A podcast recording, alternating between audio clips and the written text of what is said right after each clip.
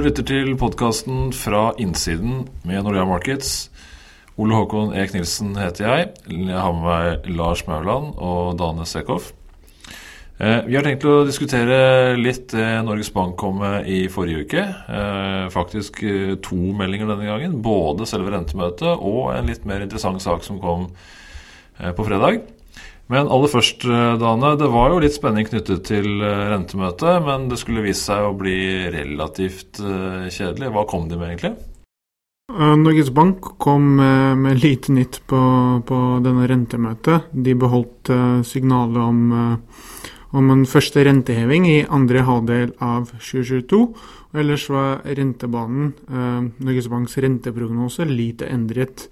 Og Det skyldes i all hovedsak at utviklingen i økonomien siden det forrige rentemøtet i juni har gått eh, som de ventet, og at, og at utsiktene for økonomien fremover også er lite endret.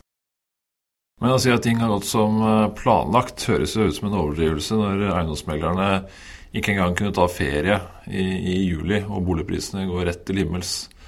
Eh, er det ikke boligboble, da? Burde de ikke sette opp renten når boligprisene stiger så mye som de gjør nå? Norges Bank har eh, sett på, på boligmarkedet og gjort en analyse på det, og sett på fundamentale drivere for boligprisveksten, altså inntekt- eh, og rentesiden. Og de finner at eh, boligprisene kan i ja, hovedsak forklares med med økninger i husholdningens inntekt, i tillegg til lavere renter. Så deres beregnede fundamentale verdi er, ligger ganske tett på dagens boligpriser. Så de finner at det ikke er snakk om noen boligboble i markedet. Det er ikke urasjonelle husholdninger som har bydd opp prisene. Så ja. Skjønner. Eiendomsmeglerne må forberede seg på lange dager fremover også. Eh, men hva er det som egentlig betyr noe, da, eh, når verken boligpriser eller, eller annet overrasker? Også vi, vi, så at Norges Bank på, kanskje på marginen var litt mer usikre på dette rentemøtet. Og det skyldes vel at smittetallene har, eh, har økt eh, mange steder rundt omkring i verden, både her hjemme og i utlandet. Og, og det fører til økt utsikker, usikkerhet for, eh, for fremover. I tillegg er bedriftene i det regionale nettverket litt mer bekymret. Eh, og Det skyldes også høyere smittetall. Så det det koker ned til, er at sentralbanken var kanskje litt mer usikker pga. smittetallene. Og når man får kontroll på smittesituasjonen eller en ny vaksine, så vil aktiviteten ta seg opp igjen. Så det er det som er eh, budskapet til banken, er at dersom aktiviteten tar seg opp raskere, så vil renteoppgangen kunne komme tidligere. Dersom øh, aktiviteten holdes nede, og vi får nye smitteoppblomstringer, så vil rentene ligge på dagens nivå lengre. Skjønner. Så eh, smittetallene trumfer boligprisveksten. Eh, men eh, i, i, forrige uke så fikk vi jo flere meldinger fra sentralbanken, eh, noen lettere å forstå enn andre. Og selv om rentemøtet kanskje ikke var så ekstremt spennende, så kom de med F-lån. Og det, Lars, det var det ikke alle som forsto seg på. Hva, hva skyldes dette her, egentlig? Det var kanskje litt overraskende, men vi har sett at de aller korteste rentene i, i pengemarkedet i Norge har begynt å tikke oppover forrige uke. Eh, renten med, med, lån over natten steg faktisk til over 1% 1 prosentpoeng på, på, fredag. Dette er renter som normalt ligger veldig tett på styringsrenta, på, på 0% Så at noen da øh, ville betale 1 for å låne norske kroner, det, det var litt overraskende, egentlig. Så, så, dermed så ønsker Norges Bank å, å, rydde opp i situasjonen ved å tilføre banksystemet mer likviditet? Er det sånn vi skal forstå det?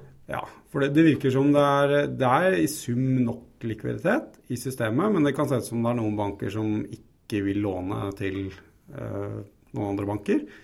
Og at de, de, bankene som absolutt trenger cash, må, må betale opp uh, for det. Og litt vanskelig å vite akkurat akkurat hva grunnen er, men det er generelt en mer usikker situasjon uh, for de som driver med likviditetsstyring. En del skatter har blitt utsatt, en del bedrifter sliter med å betale skatt, har kanskje dårligere inntekter osv. osv. Uh, I tillegg så hadde vi forfall på et uh, tre måneders F-lån på 19 milliarder kroner på, på fredag. Det har også vært gjort flere store eurolån fra norske selskap i det siste. Dette er lån som skal swappes til norske kroner. Da må det også skaffes til veie ganske mye kroner. Kronene finnes jo der, men det må kanskje flyttes fra en bank til en annen.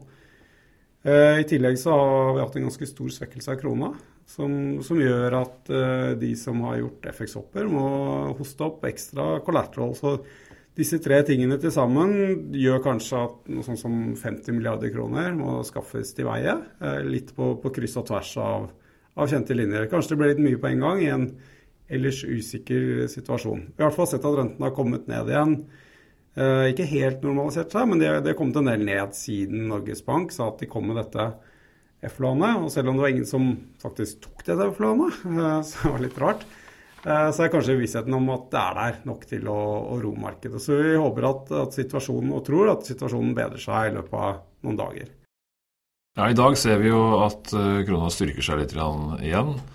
Eh, og mens vi som, som du er inne på, Lars, uh, svekke seg ganske mye i, i, forrige uke, og for så vidt også ukene før. Eh, vi er nok ganske sikre på at det er relatert til at aksjemarkedet har, såpass, har vært såpass svakt. Eh, det også ser ut til å snu nå. Eh, har vi noen tanker om eh, hva man skal mene herfra utover om markedssentimentet?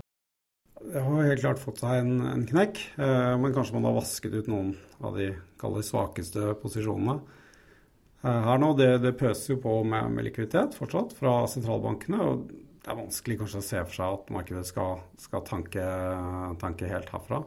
Så vi er, vi er, forsiktige optimister, i hvert fall på kronas vegne, som vi mener har fått litt veldig mye juling eh, nå i det siste. Og krona svekket også på Norges Banks beskjed, som vi mener kanskje ikke var så overraskende, egentlig. Så, så vi tror på sterkere krone herfra. Mm. Ja, så For å oppsummere her litt, eh, Norges Bank eh, opptatt av smittesituasjonen Eh, meldingen fra forrige uke ikke all verdens mye nytt. Eh, noen trodde kanskje boligmarkedet skulle bety mer for dem. Det gjorde det ikke. Eh, de kom med et F-lån for å bedre likviditetssituasjonen. Uten at noen benyttet seg av det. og Likevel så har situasjonen blitt bedre. Det kan være relatert til at kronekursen har svekket seg mye, og at likviditeten dermed har blitt svakere. Men det er trolig flere årsaker til dette her. Eh, vi tror nok også at det aller verste av nedsiden i aksjemarkedet er bak oss. Eh, og dermed også oppsiden både i dollarnorske og i euronorske. Slik at eh, krona herfra eh, jeg tror vi vil, vil, styrke seg. Eh, på lang sikt så har vi jo lenge hatt en tanke om sterkere krone, men nå har vi jo egentlig også det på kort sikt. Så med det, på gjenhør om kun kort tid.